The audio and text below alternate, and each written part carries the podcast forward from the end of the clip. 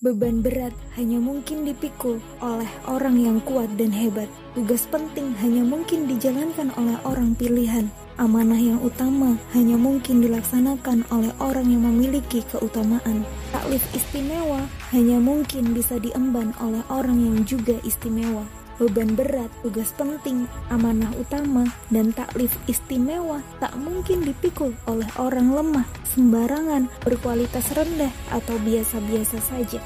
Dakwah, apalagi dakwah demi tegaknya syariah dan khilafah adalah beban berat, tugas penting, amanah utama dan taklif istimewa dari Allah kepada kita.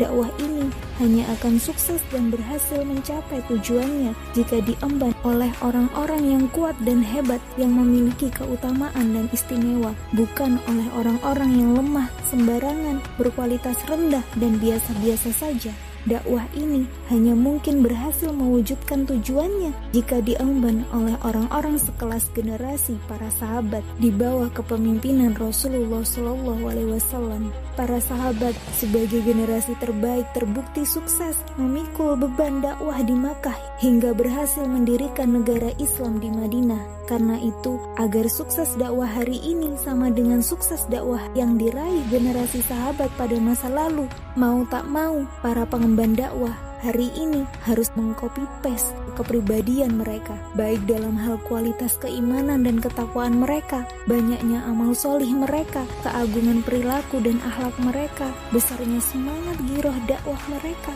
serta luar biasanya pengorbanan harta dan jiwa mereka di jalan Allah saat para pengemban dakwah gagal mengcopy paste seluruh keteladanan generasi para sahabat ini dipastikan gagal pula dakwah yang mereka lakukan.